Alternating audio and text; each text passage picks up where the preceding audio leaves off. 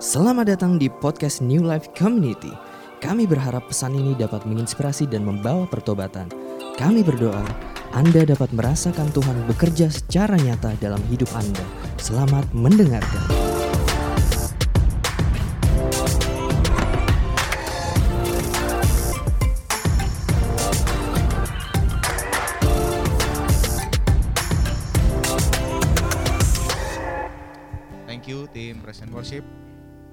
Oke, thank you untuk uh, NLC. Selamat pagi teman-teman dan happy banget bisa ada di uh, depan teman-teman semua lagi meskipun kita by online dan I hope uh, teman-teman semua dalam kondisi yang baik, dalam kondisi yang sehat, dalam kondisi yang prima. Dan kalau mungkin kondisi teman-teman mungkin lagi nggak baik, Tuhan Yesus tetap baik teman-teman harus tetap kuat ya buat teman-teman yang sehat juga jangan sembrono ya karena kasus covid juga lagi meningkat. Tujuannya bukan untuk nakut-nakutin teman-teman tapi buat teman-teman semakin berhati-hati. Oke teman-teman semua uh, thank you untuk komerik kesempatannya diberikan lagi untuk saya boleh menyampaikan firman Tuhan di tempat ini. Uh, teman-teman hari ini kita dikasih tema faithful Doubtful and faithful ya kok ya sebenarnya ya. Jadi bagaimana keraguan-raguan dan kepercayaan itu bisa bisa ada gitu. Oke. Nah, hari ini saya akan membawakan sebuah firman Tuhan yang topiknya mungkin uh, mungkin teman-teman pernah dengar juga, tapi saya harap ini bisa memberkati teman-teman juga ya. Saya memberikan topik hari ini adalah iman yang benar, bukan yang banyak ya. Jadi kalau kita ngomong soal iman, iman yang benar berarti ada iman yang nggak benar gitu ya. Dan Firman Tuhan juga udah bilang ya, ada iman yang benar uh, dan ada iman juga yang mungkin salah gitu. Nah, dalam Ibrani 11 ayat 1 ya ini udah sering kali dijelaskan ya bahwa iman adalah dasar dari segala sesuatu yang kita harapkan dan bukti dari segala sesuatu yang tidak kita lihat. Jadi pada dasar ya sebenarnya iman atau kepercayaan kepada Tuhan itu adalah sesuatu yang abstrak. Sesuatu yang tidak bisa dilihat bentuknya wujudnya nggak kelihatan ya iman itu adalah sikap hati sikap percaya ya tapi tentunya perilaku kita mencerminkan sikap hati kita ya bagaimana kita hidup mencerminkan sikap hati kita. Ya. Nah uh, iman iman adalah sebuah rasa yang membuat kita aman sebenarnya. Ada iman maka kita aman gitu ya. Ada rasa percaya kita aman. Tanpa rasa percaya kita nggak akan aman ya. Makanya sekarang uh, kondisinya sekarang uh, orang banyak keluar rumah terus udah gitu ngerasa takut. Karena apa? Karena nggak ngerasa aman, nggak percaya. Ini orang OTG atau dia memang uh, apa namanya memang dia penderita tapi dia bandel keluar keluar terus dia bersin bersin ya. Sering banget ya ketemu di nomor tuh orang bersin bersin gitu ya. Sorry sebut merek. Uh, minimarket minimarket minimarket ya. Uh, dia bersin bersin batuk batuk gitu ya. Kayak maksudnya gini loh kalau lu udah batuk batuk bersin bersin udah lu lu tiam tiamnya di rumah gitu loh jangan ke mana-mana gitu kan jadi nyusahin orang gitu kan. Nah teman-teman kepercayaan yang sehat tentunya dalam hal kekristenan juga kepercayaan yang sehat itu bukan kepercayaan yang asal percaya teman-teman jadi kalau dibilang bahwa ikut Kristus terus lu percaya aja sepertinya ada yang salah meskipun meskipun banyak hamba Tuhan bilang begini percaya pada Tuhan itu adalah percaya yang meskipun bukan percaya karena. Saya setuju dan saya tidak deny hal tersebut. Tapi ada hal yang perlu teman-teman tahu sebelum teman-teman sampai kepada stage percaya meskipun. Karena kepercayaan tanpa rasa kritis itu membuat kita nggak ada dasar untuk percaya teman-teman. Yang kita butuhkan adalah dasar untuk kita percaya Kenapa Yesus Kristus itu Tuhan? Kenapa hari ini saya ikut ibadah? Kenapa hari ini saya Kristen? Kenapa hari ini saya percaya bahwa Yesus Kristus adalah juru selamat saya? Rasa percaya itu harus punya dasar dan rasa da dan dasar itu harus di, diimbangi dengan rasa kritis, teman-teman. Sikap kritis. Jadi kita perlu tahu. Kembali lagi meskipun banyak orang bilang meskipun ya percaya kepada Tuhan meskipun it's okay itu betul banget gua nggak menyalahkan sama sekali itu betul 100% ada stage yang kita harus penuhi teman-teman atau mungkin bahkan kita main percaya aja karena kita tidak menghargai kehidupan kita. Bisa jadi loh. Ya segala sesuatu yang berharga pasti dijaga baik-baik. Nah kalau kita main percaya-percaya aja, bisa jadi kita nggak kita bisa jadi kita menilai hidup kita nggak berharga juga. Jadi kita nggak hati-hati dalam mengambil keputusan. Gitu ya. Nah Percaya kepada Tuhan itu bukannya percaya sedikit atau percaya banyak, ya. Percaya itu percaya atau nggak percaya. Ya, ada da, uh, satu buku namanya Speed of Trust ya. Dalam buku Speed of Trust ditulis ada tiga fase percaya teman-teman. Ya, kalau dalam matriksnya empat, cuman saya jelasin sama teman-teman tiga aja. Tiga tiga fase kepercayaan. Yang pertama adalah blind trust.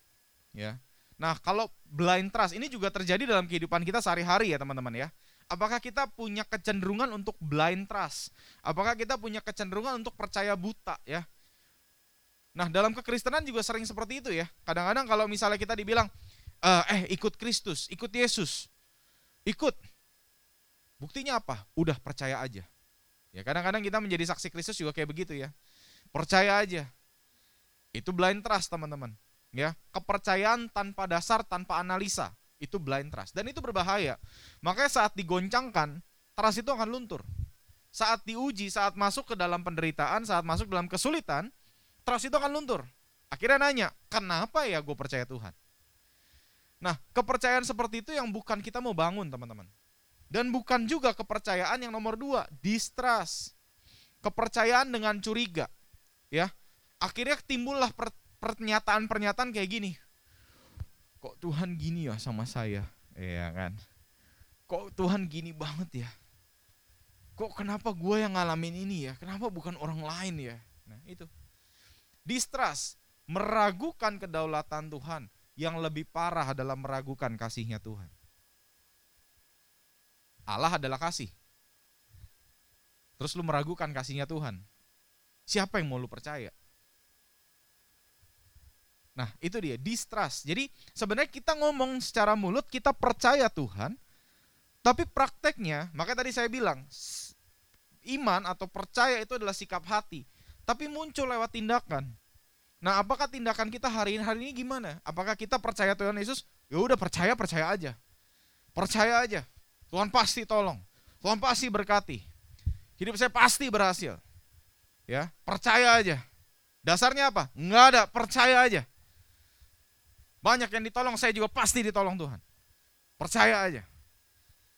Blind trust, nggak ada analisanya. Sedangkan distrust, curigaan. Kenapa ya Tuhan begini sama saya ya? Kok begini ya? Nanti kalau dia udah kaya masih distrust juga. Dia udah berhasil dia udah makmur nih hidup ya. Dia masih distrust juga.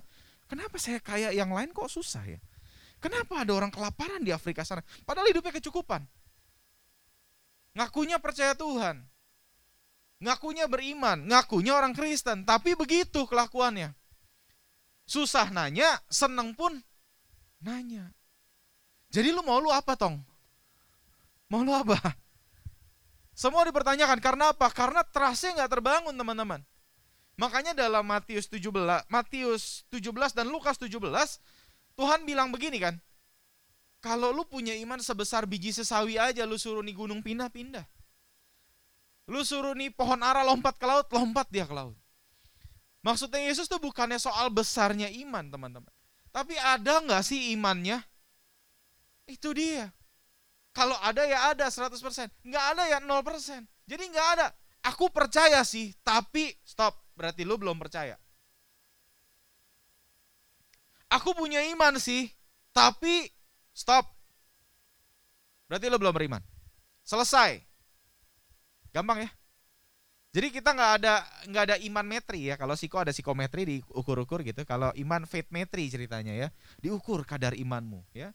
Apakah imanmu 100%, 20%? Nggak ada. Iman itu 0 atau 100, sudah selesai. Case close. Bukan masalah imannya tuh besar atau kecilnya. Sakit, berdoa, nggak sembuh-sembuh. Lu kurang iman kali. Bukan kurang iman. Bukan itu perkaranya. Tapi ada yang ketiga teman-teman. Yang pertama tadi blind trust, kita main percaya aja. Yang kedua, distrust ya bahasa Inggrisnya curigation ya curigaan terus ya yang ketiga adalah smart trust percaya karena nah ini unik saat kita memiliki smart trust yang salah sama Tuhan, saat kita menganalisa hal yang salah sama Tuhan, saat kita menggunakan kacamata yang salah untuk menilai Tuhan, karenanya karenanya itu akan beda-beda. Kenapa lu percaya Tuhan? Iya, karena II gue kemarin dari susah, sekarang jadi konglomerat. Gue percaya sama Tuhan. Karena dulu II gue sakit keras terus disembuhkan, gue percaya sama Tuhan. Teman-teman yang gue minta bukan smart trustnya itu. Yang Yesus mau bukan smart trust yang itu. Kita sama-sama buka yuk. Dalam dalam sebentar. Matius 8. Sama-sama buka di Matius 8.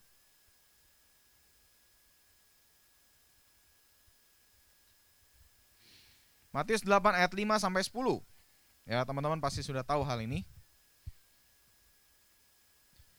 Matius 8 ayat 5 sampai 10. Oke. Yesus menyembuhkan hamba seorang perwira di Kapernaum, ya. Ketika Yesus masuk ke Kapernaum, Datanglah seorang perwira mendapatkan dia dan memohon kepadanya. Tuan, hambaku terbaring di rumah karena sakit lumpuh dan ia sangat menderita. Yesus berkata kepadanya, "Aku datang menyembuh, aku akan datang menyembuhkannya." Tetapi jawab perwira itu kepadanya, "Tuan, aku tidak layak menerima tuan di dalam rumahku. Katakan saja sepatah kata, maka hambaku akan sembuh. Sebab aku sendiri seorang bawahan, dan di bawahku ada pula prajurit. Jika aku berkata kepada salah satu prajurit itu, pergi, maka ia pergi. Dan kepada seorang lagi datang, maka ia datang. Ataupun kepada hambaku ini, kerjakanlah ini, maka ia mengerjakannya. Ayat ke-10, setelah Yesus mendengar hari itu, heranlah ia. Dan berkata kepada mereka yang mengikutinya, Aku berkata kepadamu, sesungguhnya iman sebesar ini tidak pernah aku jumpai pada seorang pun di antara orang Israel. Iman yang membuat Yesus heran. Percaya yang membuat Yesus heran. Percaya kita kepada Yesus harus berdasarkan pada smart trust, harus berdasarkan kepada willingness kita untuk percaya dan harus berdasarkan kepada analisa kita. Analisa kita tentang apa? analisa kita tentang siapa itu Yesus. Gini teman-teman, dalam perjalanan kita banyak banget orang yang kecewa saat ikut Tuhan. Setuju apa setuju? Banyak banget. Dia bilang saya udah percaya Tuhan, tapi kenapa hidup saya seperti ini? Saya sudah percaya Tuhan, tapi kenapa saya tidak ditolong? Saya sudah percaya Tuhan, tapi kenapa hidup saya sampai saat ini susah? Karena apa? Karena salah percaya. Yang mereka percaya bukan Yesus, yang mereka percaya janjinya Yesus. Padahal janji Yesus sama setiap orang itu berbeda. Situasional, teman-teman. Nah, dalam hal ini kita melihat sebenarnya teman-teman ya, kalau ngomong situasional contoh ya, misalnya waktu Yesus menyembuhkan uh, orang sakit lumpuh di kolam Bethsaida. Pertanyaannya apakah seluruh orang seluruh orang yang lagi ada di situ orang orang orang orang sakit di situ bisa disembuhkan Yesus? Jawabannya adalah bisa, tapi Yesus menyembuhkan semua orang? Tidak, karena Yesus punya rencananya.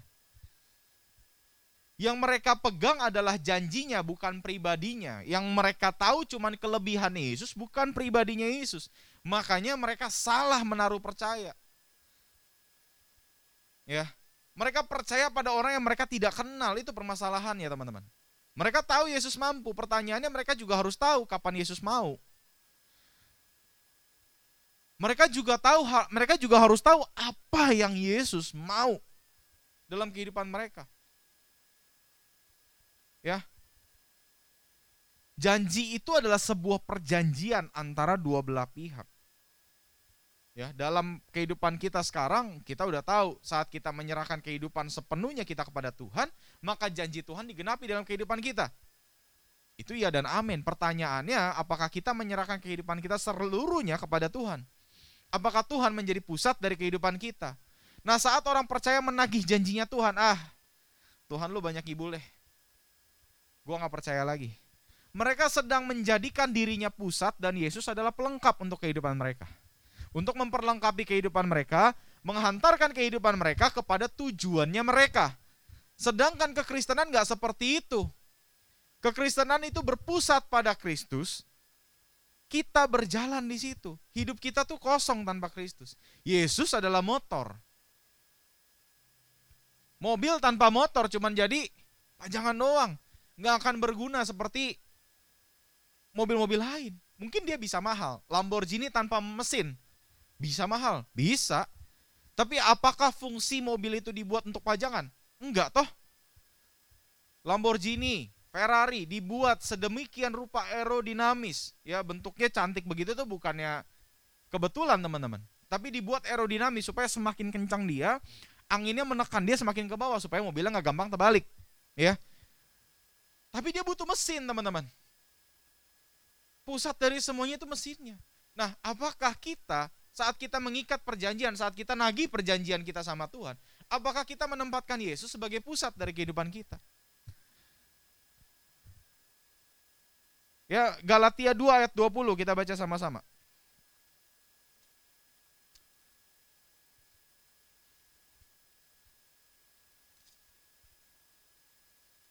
Galatia 2 ayat 20. Paulus berkata seperti ini. Namun aku hidup tetapi bukan aku lagi sendiri yang hidup, melainkan Kristus yang hidup di dalam aku. Nah berarti akunya udah nggak ada karena di dalamnya ada Kristus. Aku ini sudah digantikan oleh Kristus yang tinggal di dalam aku. Dan hidupku yang kuhidupi sekarang di dalam daging adalah hidup oleh iman dalam anak Allah yang telah mengasihi aku dan menyerahkan dirinya untuk aku. Nah, pertanyaannya saat kita mengikat perjanjian sama Tuhan, saat kita nagih perjanjian sama Tuhan, apakah masih kita yang ada di dalam? Atau Yesus yang udah di dalam? Ya. Pokoknya intinya sebelum mengikatkan diri perjan mengikatkan diri kita pada perjanjiannya, ikatkan dulu diri kita sama pribadinya. Perjanjiannya ngikut, tenang aja. Nah, untuk itu makanya kita mesti bilang yang namanya smart trust tadi yang saya bilang saya suka banget dengan Matius 8 ini. Matius 8 ini mencerminkan banget yang namanya smart trust. Saya tunjukkan kepada teman-teman semua. Yang pertama, ya. Kenapa saya bilang uh, bahwa Matius 8 ini mencerminkan smart trust? Yang pertama, yuk kita sama-sama baca ya Matius 8 ini di ayat yang ke-8 kita coba lihat. Nih ya. Dia bilang begini, tetapi jawab perwira itu kepadanya, Tuhan, aku tidak layak menerima Tuhan di dalam rumahku. Katakan saja sepatah kata, maka hambaku itu akan sembuh. Dia ayat 9 dia bilang gini, sebab aku sendiri seorang bawahan, dan di bawahku ada pula prajurit. Jika aku berkata kepada salah seorang prajurit itu pergi, maka ia pergi. Dan kepada seorang lagi datang, maka ia akan datang. Teman-teman, dalam ayat ini, Matius 8 ayat 9, Perwira ini menyatakan, perwira ini tahu siapa Yesus sesungguhnya. Dia nggak sembarang percaya teman-teman. Yang dia percayai apa? Dia percaya siapa itu Yesus, apa posisinya Yesus. Dia tahu Yesus adalah Tuhan penguasa tunggal dari alam semesta ini. Makanya dia bilang gini, udah Tuhan nggak usah ke mana-mana, di sini aja. Tuhan ngomong aja, hambaku bisa sembuh. Karena dia tahu siapa Yesus. Dia tahu posisinya Yesus dan dia tahu kemampuannya Yesus. Sudah banyak orang bilang, wah Yesus bermujizat, Yesus bermujizat, Yesus bermujizat. Tapi lebih dari itu perwira ini kenal siapa Yesus. Maka Yesus menjadi heran teman-teman. Yesus bilang, gue gak pernah nih ketemu iman kayak begini. Gue gak pernah nih ketemu orang percaya sama gue sampai kayak begininya. Teman-teman pernah dipercaya orang? Teman-teman pernah terima kepercayaan orang dan teman-teman komplis kepercayaan itu? Teman-teman tahu rasanya kayak apa? Atau misalnya teman-teman tahu rasanya nggak dipercaya, dianggap anak kecil? Keselnya kayak apa? Ya, Yesus mendapatkan sebuah kepercayaan yang berharga teman-teman. Dan saat itu Yesus bilang, gila gue heran banget. Mungkin saat itu dia geleng-geleng kali ya ya di tengah di tengah di tengah hambanya lagi wah oh, Yesus masih sempat geleng-geleng gini. Ya dia heran teman-teman. Karena apa? Rasa percaya dari perwira ini dia bukan sekedar tahu Yesus bisa menyembuhkan tapi dia tahu siapa Yesus teman-teman. Ini adalah smart trust yang kita perlu sadari. Apakah Yesus Tuhan dalam kehidupan kita? Nah itu yang sering kali aku ulang dalam setiap sharing aku. Apakah Yesus menjadi pusat dalam kehidupan kita? Apakah kita tahu Yesus berdaulat dalam perikop ini, dalam perikop ini, perwira ini bukan bilang Yesus bisa nggak bisa, tapi Yesus mau apa nggak mau. Dia tahu kedaulatan Yesus. Kalau lu nggak mau juga nggak apa-apa deh. Kasarannya itu begitu. Ya. Ini beda dengan case-nya di uh, Markus 9, ya. Ini beda banget case-nya di Markus 9. Di Markus 9 ayat 20 sampai 26.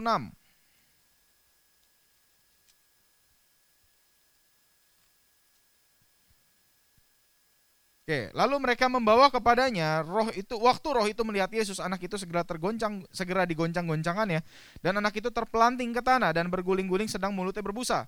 Lalu Yesus bertanya kepada ayah anak itu, "Nah, sudah berapa lama ia mengalami ini?" Jawabnya, "Sejak masa kecilnya dan sering kali roh itu menyeretnya ke dalam api ataupun ke dalam air untuk membinasakannya.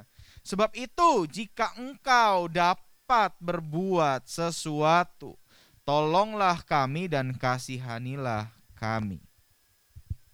Pertanyaannya, adakah iman di Bapak ini? Dia pun masih ragu. Dia pun ragu.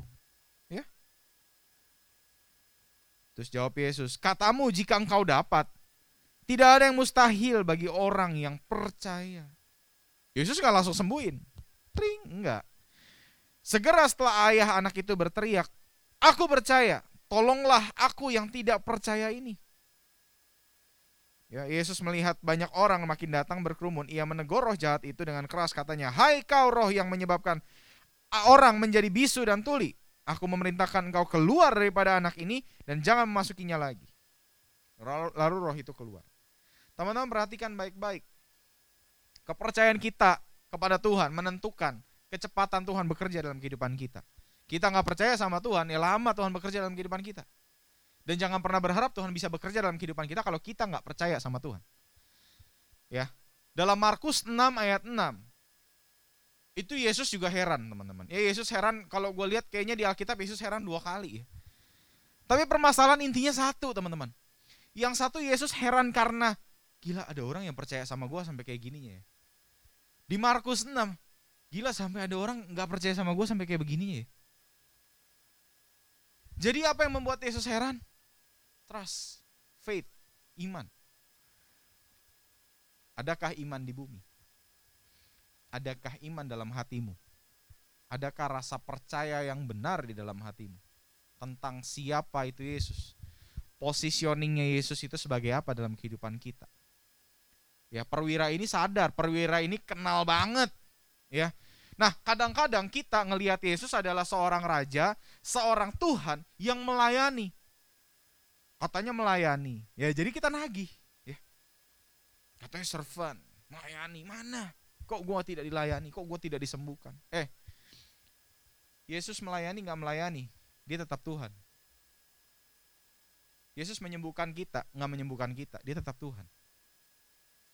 Kita nyanyi buat dia, kita nggak nyanyi buat dia, dia tetap Tuhan. Suara kita falas, suara kita bagus, dia tetap Tuhan. Nggak ada yang ngerubah hal itu. Sesuatu yang absolut, unik kalau kita nggak percaya. Sebaliknya kita percaya pada kripto, kita percaya pada saham, sometimes kita percaya pada togel. Atau hitungan astronomi-astronomi lainnya yang nggak ada hitungannya juga. Tapi sesuatu yang absolut kita bisa nggak percaya itu hal yang aneh. Tinggal masalah kita mau percaya atau enggak, teman-teman. Perwira ini kenal kemampuan Yesus, dia tahu posisinya Yesus. Itu yang pertama. Yang kedua yang perwira ini tahu adalah hatinya Yesus. Coba teman-teman sama-sama kita lihat lagi yuk. Tadi dalam Matius 8 ya. Sorry jadi bolak-balik ya. Matius 8 ayat kelima coba. Matius 8 ayat yang ke 5. Ketika Yesus masuk, oh sorry, sorry uh, ayat ke-6, ayat ke-6, ayat ke-6. Ya, yang tadi pertama perwira Kapernaum ini smart trustnya apa? Dia kenal siapa Yesus, dia kenal ability-nya Yesus, dan dia tahu otoritasnya Yesus. Dia tahu kulit luarnya Yesus. Tapi lihat yang ayat ke-6, ya. Tuhan, hambaku terbaring di rumah karena sakit lumpuh dan ia sangat menderita. Perwira Kapernaum ini tidak minta Yesus untuk menyembuhkan teman-teman. Coba teman-teman lihat dia cuma kasih tahu. Dia kalau kayak youtuber dia nggak minta sumbangan, dia nggak minta donasi, dia cuma bilang guys, ini perwi, uh, uh, anak buah gue sakit nih. Udah gitu doang. Sama dia ngomong sama Yesus gini, Tuhan anakku ter, anak buahku terbaring, ya terbaring, lumpuh dan dia sangat menderita. Dia nggak perlu ngomong, dia nggak perlu bilang tolong sembuhin. Yesus bilang apa? Aku akan datang menyembuhkannya. Perwira ini bukan sekedar tahu kemampuan Yesus dan siapa itu Yesus. Perwira ini tahu hatinya Yesus saat ada orang sakit, dia juga mau bantu ke sana. Dia juga mau tolong. Jadi bukan permasalahan Yesus tolong atau nggak tolong, yang kita lagi fokusin saat ini adalah kepercayaannya perwira Kapernaum yang bikin Yesus tuh sampai emes gitu. Perwira Kapernaum itu sampai tahu hatinya Yesus loh. Ya. Bahkan bukannya kayak uh, ya tolongin deh. Enggak, enggak ada kalimat-kalimat kayak gitu, teman-teman. Dia tahu karakter Yesus, penuh belas kasihan. Nah, penting banget untuk kita percaya kepada seseorang dengan percaya pada karakternya, bukan pada kemampuannya. Ya, saya kasih contoh, saya kasih contoh gini. Dalam waktu saya bangun bisnis, waktu tahun 2017 saya bangun bisnis, saya memang lemah di bagian administratif, ya, monitoring, maintaining itu saya lemah banget, ya. Kadang-kadang kalau misalnya butuh apa update gitu ya, saya lemah banget di update gitu Pertanyaannya banyak nggak orang yang bisa update-update kayak gitu, konsisten update gitu ya? Jawabannya pasti banyak. Jawabannya pasti banyak banget. Tapi pertanyaannya apa semua orang bisa saya percaya? Enggak.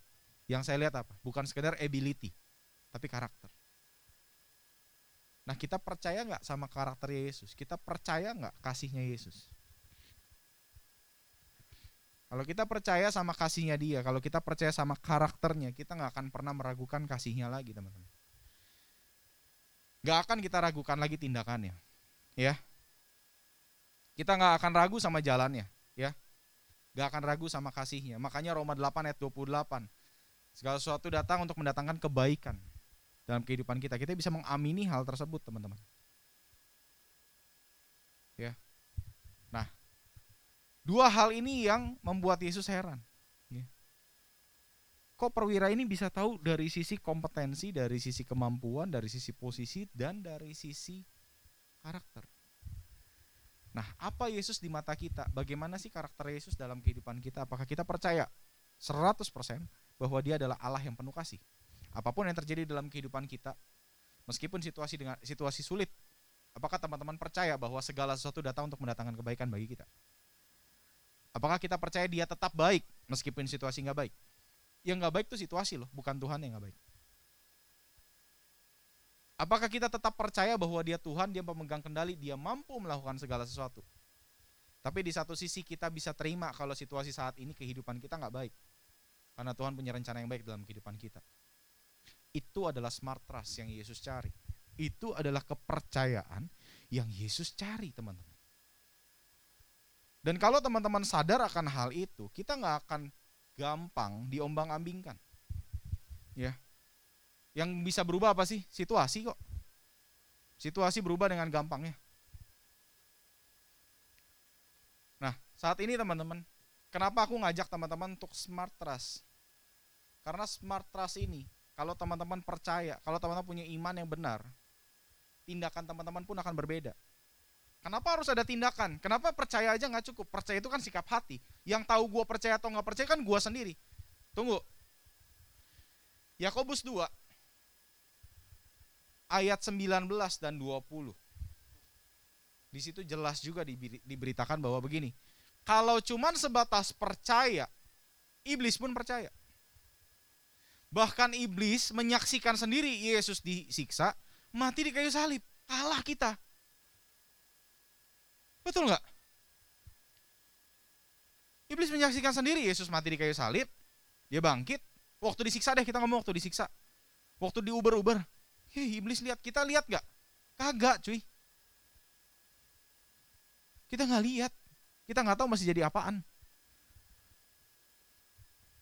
Tapi iblis lihat. Nah, pertanyaannya gini. Loh, kalau iblis percaya terus gue percaya yang membedakan gue apa dong? Kita baca sama-sama ya di Yakobus 2 ayat 19 sampai 20. Engkau percaya bahwa ada satu Allah saja. Itu baik. Tetapi setan-setan pun juga percaya akan hal itu dan mereka gemetar loh. Kadang-kadang kita lebih kurang ajar, kita nggak gemeter. Iya. Kita lebih kurang ajar kadang-kadang, kita nggak gemeter. Nggak ada takutnya. Nah, ayat ke-20. Hai manusia yang bebal, maukah engkau mengakui sekarang bahwa iman tanpa perbuatan adalah iman yang kosong. Dalam bahasa aslinya iman yang sia-sia. Kagak ada gunanya. Ya kalau kagak ada gunanya berarti kagak ada iman. Kasarnya seperti itu. Berarti dengan adanya iman yang benar, tindakan kita pasti berubah. Perbuatan kita pasti berubah. Iman tanpa perbuatan adalah mati. Percaya tanpa perbuatan mati. Lah kita harus punya standar yang percaya yang beda dong sama iblis. Betul nggak? Masa kita punya standar percaya yang sama sama iblis? Tuhan gak butuh kita kalau kayak gitu mah. Kita nggak ada gunanya di bumi. Kasarnya seperti itu. Betul nggak? Nah, teman-teman, sekarang setelah kita punya smart trust, kita punya benar-benar percaya yang benar sama Tuhan, kita tahu Tuhan itu siapa dalam kehidupan kita. Di, kita nggak meragukan lagi kasihnya. Ada action yang kita biasanya akan lakukan. Nah, action ini bisa kita kejar atau action ini bisa menjadi cerminan dalam kehidupan kita. Apakah kita sudah memiliki iman yang benar apa belum? Atau kita masih punya iman yang abal-abal? atau kita masih punya iman yang mati. Nah, tindakan yang pertama adalah ini, teman-teman. Apakah kita sudah menyerahkan hidup kita sepenuhnya untuk kemuliaan Tuhan? Sampai tadi Galatia 2 ayat 20 bilang bahwa meskipun ini hidup daging nih, tapi yang di dalam tuh Kristus loh. Jadi yang menggerakkan kehidupan ini tuh bukan aku, tapi Kristus. Yang menghidup yang menggerakkan daging ini, kehidupan ini bukan kepengenannya aku lagi, tapi udah kepengenannya Kristus. Apa sih kepengenannya Kristus? Simple teman-teman dalam kehidupan teman-teman sehari-hari. Setia dalam hal kecil aja. Hal-hal kecil tuh hal-hal yang nggak dilihat orang tuh nggak enak teman-teman. Komsel yang datang dikit, tetap nyanyi-nyanyi, kadang-kadang nyanyi sendiri depan kamera nggak ada yang datang. Yang penting jalan. Tapi lakukan itu dengan sepenuh hati. Ya, itu sangkal diri pikul salib nggak? Iya, sangkal diri pikul salib karena itu bukan keinginan kamu, itu udah keinginannya Kristus dalam kehidupan kamu. Bisa nggak kamu menyangkal semua yang keinginan kamu untuk menggantikan semuanya pada keinginannya Kristus? Keinginannya Kristus bukan semua kamu harus jadi penginjil, jadi pengkhotbah, jadi pendeta, jadi evangelis, jadi jadi rasul, kamu pergi ke daerah-daerah, nggak selalu seperti itu, teman-teman. Bisa jadi Tuhan pengen kamu jadi dokter yang terbaik, bisa jadi Tuhan pengen kamu jadi pengacara yang terbaik, pedagang mobil yang terbaik yang nggak nipu orang, ya pedagang bangunan yang baik misalnya, whatever profesi kamu. Di samping kiri kanan nawarin cuan lebih besar, tapi bahan baku dikurangin atau timbangan dikurangin, tapi kamu lebih memilih untuk no, lakukan dengan cara yang benar. Meskipun cuan tipis nggak apa-apa. Nah itu, itu Kristus sudah hidup di dalam kamu. Kamu nggak hidup lagi buat diri kamu sendiri. Karena apa? Nggak ada kepentingan buat kamu kan? Harusnya bisa cuan lebih banyak tapi kita irit-irit cuannya. Ya tapi dalam dagang enggak juga ya. Beli sekilo kamu kasih 1,2 ya bonyok lah kamu lama-lama. Ya berhikmat juga gitu loh. Nggak apa-apa. Ini ini salib aku. Aku kasih 1,2 bangkrut lama-lama. Jujur aja jujur aja. Kalau ada orang susah kamu juga lagi susah bantulah se bisanya. Itu bukan keinginan kamu tapi bantunya jangan di depan banyak orang ya. Kalau bisa ngumpet-ngumpet. Ya. Ya tapi kalau mau nggak mau ya udahlah mau ngomong apa. Ya. Roma 12 ayat 1 sampai 2 ini kayaknya nggak usah dibaca tapi hafal tapi ya udahlah kita baca aja lah ya ini aku bacain karena itu saudara-saudara demi kemurahan Allah aku menasihatkan kamu supaya kamu mempersembahkan tubuhmu sebagai persembahan yang hidup, yang kudus dan yang berkenan kepada Allah. Itu adalah ibadahmu yang sejati. Janganlah kamu menjadi serupa dengan dunia ini, tetapi berubahlah oleh pembaruan budimu, sehingga kamu dapat membedakan manakah kehendak Allah, apa yang baik, yang berkenan kepada Allah, dan yang sempurna. Ya, jadi untuk menyerahkan hidup kita sepenuhnya untuk kemuliaan Tuhan, itu kita harus berbeda dari dunia. Kalau dunia melakukan hal-hal yang gak baik, kalau kita lakukan juga, bisa jadi trustnya salah, bisa jadi faithnya salah. Bisa jadi imannya salah, makanya tindakannya salah. Iman yang benar membawa kepada tindakan yang benar. Ya, apakah kita sudah menyerahkan seluruh kehidupan kita kepada Tuhan? dan kita menjadi berbeda dari dunia. Yang pertama itu, ya, tindakan yang keluar saat kita punya kepercayaan yang benar adalah itu, menyerahkan kehidupan kita sepenuhnya untuk Tuhan. Sampai kau bilang, gue ini adalah hamba Tuhan, jadilah padaku apa yang kau mau, kasarnya seperti itu. Ya, yang kedua, jangan ragukan kasihnya. Saat kamu punya iman percaya yang benar, kamu nggak akan pernah ragukan kasihnya. Percaya itu kayak tongkat estafet. Teman-teman tahu lari estafet tahu? Tahu lari estafet ya? Jadi lari, terus kasih tongkat, betul? Kasih tongkat ya. Apa jadinya saat teman-teman lari nih? Wah, gue lari cukup kenceng nih. Daniel ya? Di depan gue Daniel nih. Gue lari. Memang gue, memang Daniel gemuk ya gue juga gemuk nih tapi Daniel pasti lebih gemuk dari gue body shaming maaf ya maaf ya ya. terus pas gue lari nih gue pegang tongkat nih ceritanya pinjem ya pegang kan lari estafet kan bawa tongkat ya. Terus gue bilang aduh habis gue Daniel nih. Musuh udah deket nih. Daniel bisa lari kenceng gak ya? Kayak susah deh. Tapi kan gue mau nggak mau oper tongkat dong betul nggak gue kasih tongkat estafet dong ke si Daniel dong. Pas Daniel tangkap tep. Daniel lari dong. Doni lari, terus gue saking gak percaya gue ikutin. Nah itu, itu saat kita meragukan kasihnya Tuhan, itu saat kita meragukan, udah kita udah nggak bisa ngomong karena kita bilang bahwa Tuhan pasti mampu, cuma Tuhan mau atau nggak mau, tapi kita meragukan kasihnya Tuhan tuh kayak gitu gitu loh. Doni lari bawa tongkat estafet, gue juga pegang di belakang, ayo Nil, ayo Nil, ayo Nil, kita lari. Kan agak agak pinter ya kayak begitu ya. Harusnya hal itu tidak terjadi dalam kehidupan kita. Saat kita memberikan kepercayaan like estafet. Kasih. Ya. Teman-teman gini loh, saat teman-teman mulai meragukan kasihnya Tuhan, coba teman-teman ngomong begini deh. Coy, diajak kasih nyawanya coy. Masa kita masih meragukan kasihnya dia lagi sih? Sesayang-sayangnya saya, sama istri ya. Saya nggak bisa ngomong hari ini, tenang nyawa pasti gue kasih Hari ini bisa ngomong kayak gitu, hari H belum tentu. Eh tapi Yesus udah buktiin loh di atas kayu salib. Dia ngomong sayang, dia ngomong mengasihi kita, dia buktiin di atas kayu salib, dia mati buat kita.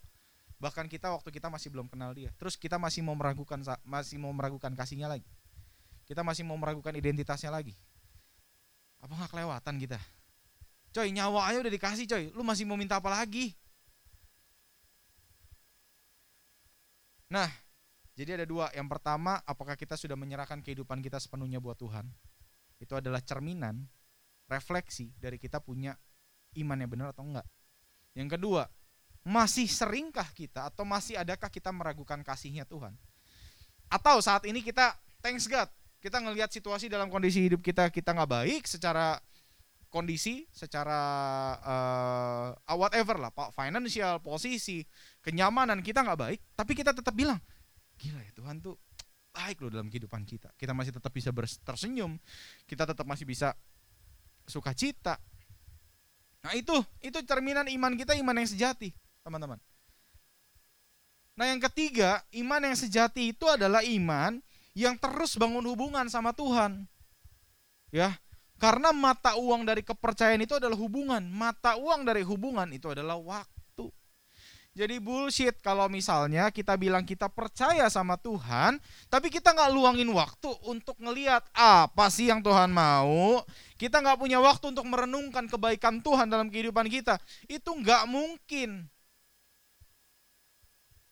Jadi saat ngomong iman 0 atau iman 100%, kita bilang, kalau kamu punya waktu untuk membangun hubungan kamu sama Tuhan, kita bisa bilang bahwa kamu punya iman yang benar. Karena kamu tuh haus, kamu pengen tahu Tuhan mau apa lagi sih dalam kehidupan aku. Saat kesulitan terjadi, Tuhan pasti punya rencana. Apa yang Tuhan mau ya dalam kehidupan aku ya? Apa yang Tuhan mau aku lakukan ya dalam kehidupan aku ya? Kira-kira aku bisa maksimal di mana ya dalam kondisi sulit kayak begini ya? Aku tahu Tuhan pasti punya jalan. Tuhan tolong tunjukin jalannya. Kasih aku kekuatan. Buat aku lewatin. Kasih aku hikmat. Aku percaya Tuhan sudah siapin semuanya. Meskipun sulit, aku percaya Tuhan pasti tolong. Aku percaya Tuhan pasti beri aku kekuatan. Dan aku bisa melewati ini semua sebagai seorang pemenang. ya. Teman-teman bangun hubungan sama Tuhan, hati yang terbuka untuk kenal Tuhan lebih dalam. Terakhir, Yohanes 17 ayat 3.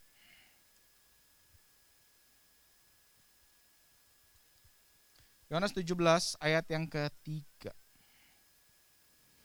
Inilah hidup yang kekal itu, yaitu bahwa mereka mengenal engkau, satu-satunya Allah, mengenal bukan tahu, mengenal ginosko, mengerti, satu-satunya Allah yang benar, dan mengenal Yesus Kristus yang telah engkau utus. Pengenalan itu berjalan setiap hari, ya. Awalnya istri saya cuma tahu saya suka ayam goreng dada, tapi mak makin belakang dia tahu, oh ternyata Stanley itu sukanya paha. Stanley suka juga paha. Makin lama dia makin tahu. Stanley kalau kelaparan dikasih dada, kalau dia nggak terlalu lapar dia boleh dikasih paha karena dagingnya sedih, sedikit daging paha. Makin lama dia makin tahu.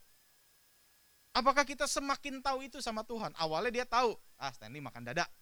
Dia nggak tahu kenapa gue suka dada. Ternyata gue suka dada karena banyak. Jadi kalau lapar, nah makin lama makin dia tahu. Kok Stanley suka dada, suka paha juga ya. Oke, berarti next time kalau misalnya dia lapar banget kasih dada, kalau dia nggak lapar-lapar banget kasih paha, dia pasti senang. Dia akan lebih senang lagi kalau dikasih dua-duanya. Itu tahu, karena apa? Karena waktu teman-teman. Kalau cuman ketemu sebentar, sebentar, dia setiap kali gue makan ayam, gue dikasih dada terus sama dia. Terus kulitnya diambil dengan alasan kesehatan. Teman-teman, bangun hubungan sama Tuhan tuh nggak ada ruginya. Kok lu ngomongnya begitu mulu? Stop, stop, stop. Kita ngomong begitu, para penginjil ngomong begitu. Kalian udah lakuin belum? Kadang-kadang kita ngomong, masa sih cuman itu doang? Cobain dulu. Ya, Percaya sama Tuhan, percaya karakternya, percaya posisinya, percaya kedaulatannya. Dan rasa percaya yang benar akan ditunjukkan dengan tiga hal dalam kehidupan kita. Kita menyerahkan kehidupan kita sepenuhnya karena kita percaya cuman dia yang sanggup handle kehidupan kita. Yang kedua, kita nggak meragukan lagi kasihnya dia dalam kehidupan kita. Nggak ada lagi ceritanya Tuhan tuh baik nggak ya? Nggak ada ceritanya. Mau kondisinya seburuk apa pun kita percaya Tuhan Yesus tetap baik. Yang terakhir adalah bangun hubungan sama Tuhan. Terus dalam kondisi baik bangun hubungan sama Tuhan. Karena kamu perlu tahu rencana Tuhan dalam kebaikan Tuhan dalam kehidupan kamu. Kamu perlu tahu dalam kemegahan kamu, dalam kelimpahan kamu ada rencana Tuhan di situ. Kamu juga perlu tahu dalam kesusahan kamu ada rencana Tuhan di situ. Makanya bangun hubungan itu terlepas dari segala sesuatu. Kadang-kadang kita ketua yud suka disibukkan dengan begini. Kok saat teduhnya nggak lancar ya? Iya aku lagi ada masalah. Justru di saat masalah kamu butuh firman Tuhan. Kadang-kadang kita ketua yud juga pusing. Ya, kenapa saat teduh kamu nggak beres? Iya nih aku sibuk. Justru di tengah kesibukan kamu, kamu perlu tahu apa rencana Tuhan. Gak mungkin. Kenapa kamu nggak? Kenapa kamu nggak saat teduh? Kenapa kamu nggak baca Alkitab? Iya aku sibuk menggenapi rencana Tuhan. Percaya lu? Baca Alkitabnya kagak? Hosea 6, Hosea 4, dia bilang begini kan, umatku binasa karena tidak mengenal. Enggak kenal. Makanya pengenalan itu dibangun setiap hari, teman-teman, ya. Nah, ini aku nyambung. Smart trust, terakhir ya, terakhir. Janji, janji terakhir. Smart trust, tadi kan aku bilang ya, pester-pester suka ngomong percaya meskipun. Hari ini aku ngajarin percayanya karena. Apakah aku menyalahkan pester-pester lain? Enggak. Mereka 100% betul. Tapi aku pengen teman-teman belajar satu hal seperti ini. Percaya Yesus karena apa? Karena semua janjinya udah digenapi. Janjinya udah digenapi. Dia udah mati di kayu salib buat kamu dan buat aku. Terus mau apa lagi? Dia udah kasih nyawanya buat buktiin dia mengasihi kamu dan mengasihi aku. Kamu mau bukti apa lagi?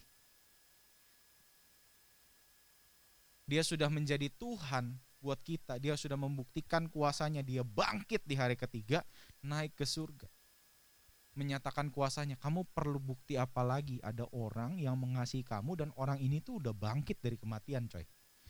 Kadang-kadang kita sama pester-pester hits kita kenal kayak gimana banget gitu kan ya.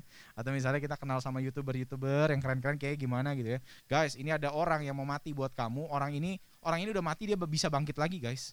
Dia mengasihi kamu, guys. Percaya karena apa? Percaya karena segala sesuatu sudah dia genapi di kemarin. Meskipun susah hari ini. Meskipun kondisi kamu gak baik hari ini. Meskipun kondisi aku juga kurang baik hari ini. Tapi kita percaya karena apa? Karena semuanya sudah digenapi. Amin untuk firman Tuhan. Terima kasih sudah mendengarkan podcast ini. Kami berdoa Anda diberkati melalui pesan yang telah disampaikan. Mari sapa kami melalui Instagram at New Life C dan bagikan pesan ini supaya lebih banyak orang yang diberkati.